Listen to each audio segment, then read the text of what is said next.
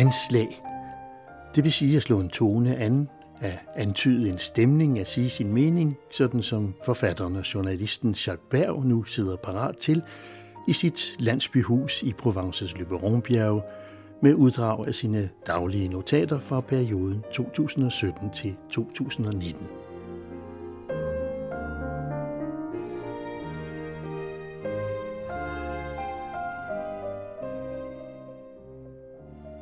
Et velvoksent, stærkt behåret tusindben går i ring ned omkring mine fødder.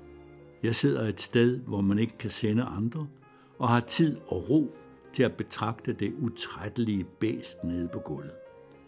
Det er ikke langt fra, at jeg sidder og er lidt jaloux.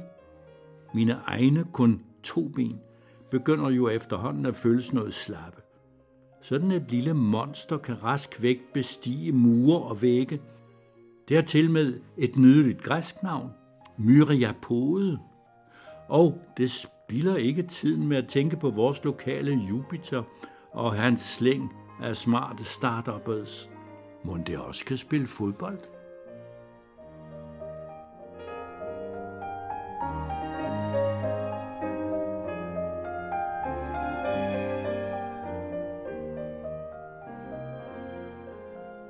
I forbindelse med endnu en polemik omkring forfatteren Celine og det betimelige i at genudsende hans antisemitiske skrifter, undrer det mig, at man i den anledning har spurgt hans enke, danselærerinde Lysette de Touche, hvad hun mener.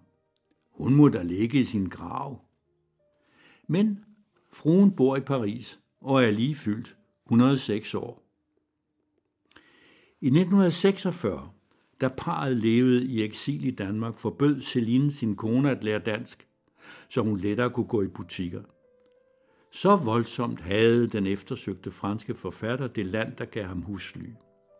Hans had gik dog ikke så vidt, at han afslog det komfortable logi, en villa på Korsøregnen tæt på vandet, for uden den økonomiske støtte, som en håndfuld danske beundrere ydede ham.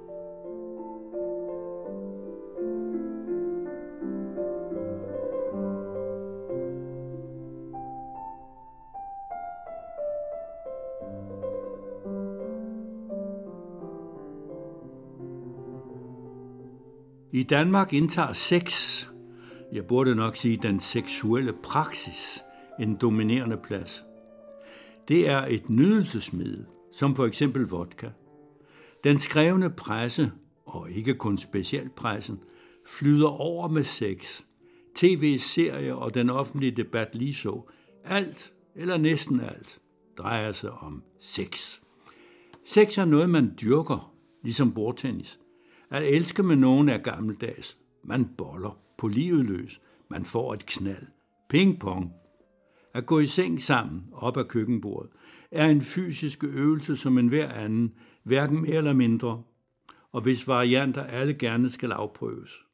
Inden for alle genrer og orienteringer. Men folk, der er således beskæftiget, gifter sig mærkeligt nok stadig. Ægteskabet har kronede dage, ligesom skilsmissen. Dog også ægteskabet har forandret sig.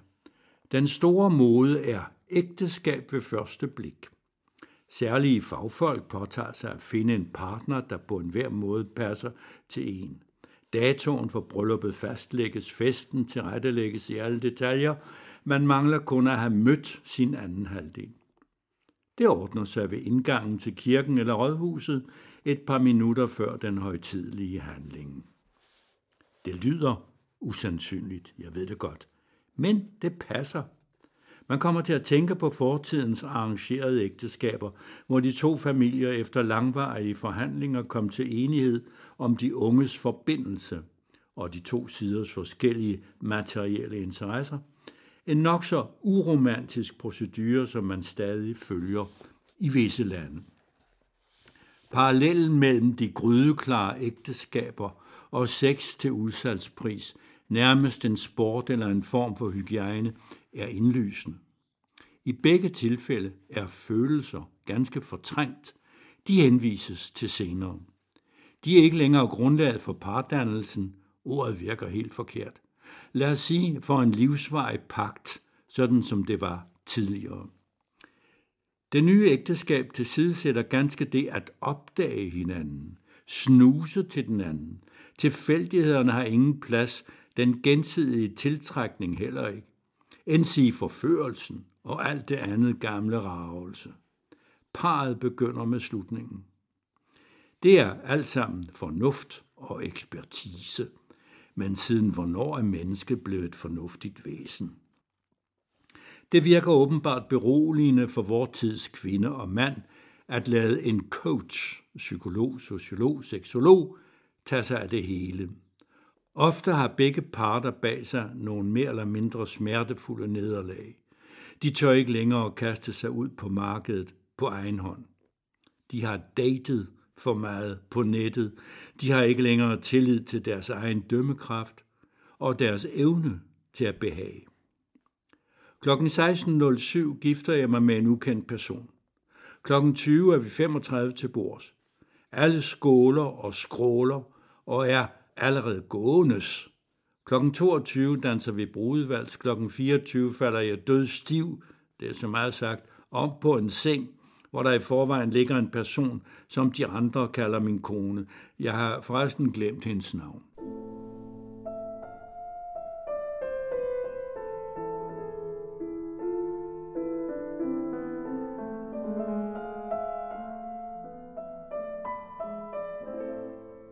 Det tager tid at tage sin tid. At gribe den i tide og holde fast i den. Blandt andet for ikke at komme til, i hvert fald midlertidigt, at stå uden for tiden. Hvis du har lidt tid til over, så kommer jagttiden sammen med mig, den flygtige, udvandede, begravede tid, som vi så vil nyde sammen med værdighed i det mindste et stykke tid, med en særlig følelse af at overholde tiden og dens krav. Det er nemlig altid tideværv.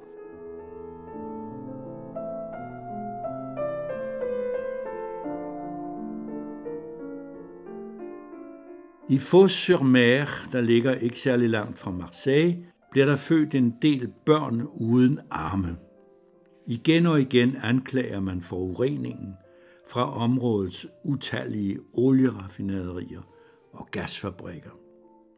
For at få gjort noget ved forholdene, skal kvinderne give sig til at føde arme uden børn.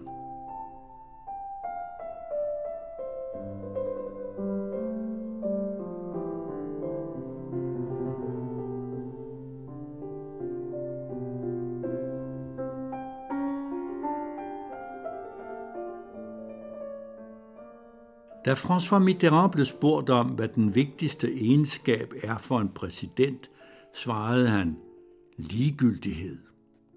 Svaret kan forekomme kynisk, men det fortjener omtanke.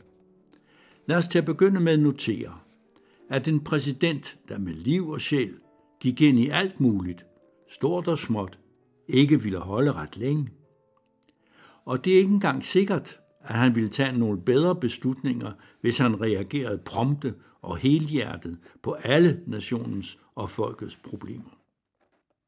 Ordet ligegyldighed betød i Mitterrands mund, at en præsident altid bør tage højde for tingene og betragte dem fra en vis afstand. Undgå at handle spontant og nøje overveje hvert skridt, gå næsten klinisk frem, aldrig lade sig rive med af øjeblikket. Kort sagt, i enhver situation at bevare roen, give tiden sin tid og frem for alt holde hovedet koldt. Set ud fra en så svimlende visdom, består politikernes opgave dernæst i at få folk til at tro, at hans hjerte banker i takt med deres, og, som i Mitterrands tilfælde, så bare holde linjen i 14 år, hele vejen gennem to mandater af ligegyldighed.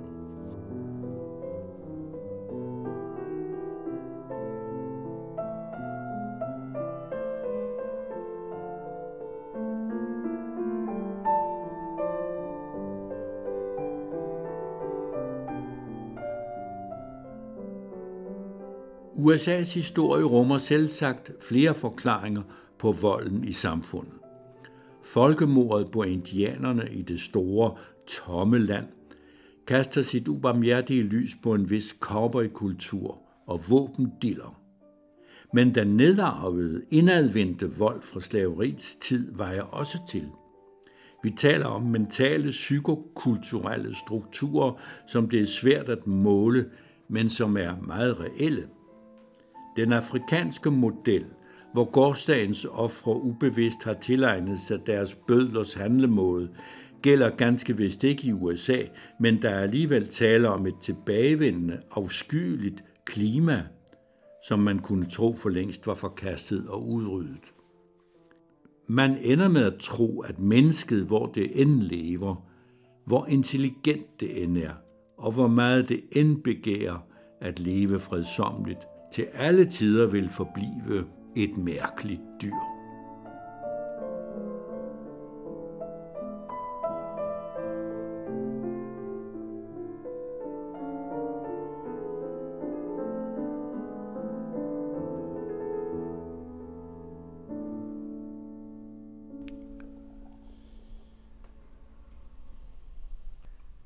Musikken var uddrag af tre klaverkoncerter af Bach, spillet af David Frey, Jacques Rouvier, Emmanuel Christian og Audrey Vigoureux, med strygerne for Capitol Orkestret i Toulouse. Jesper Tang tager et lækker anslag.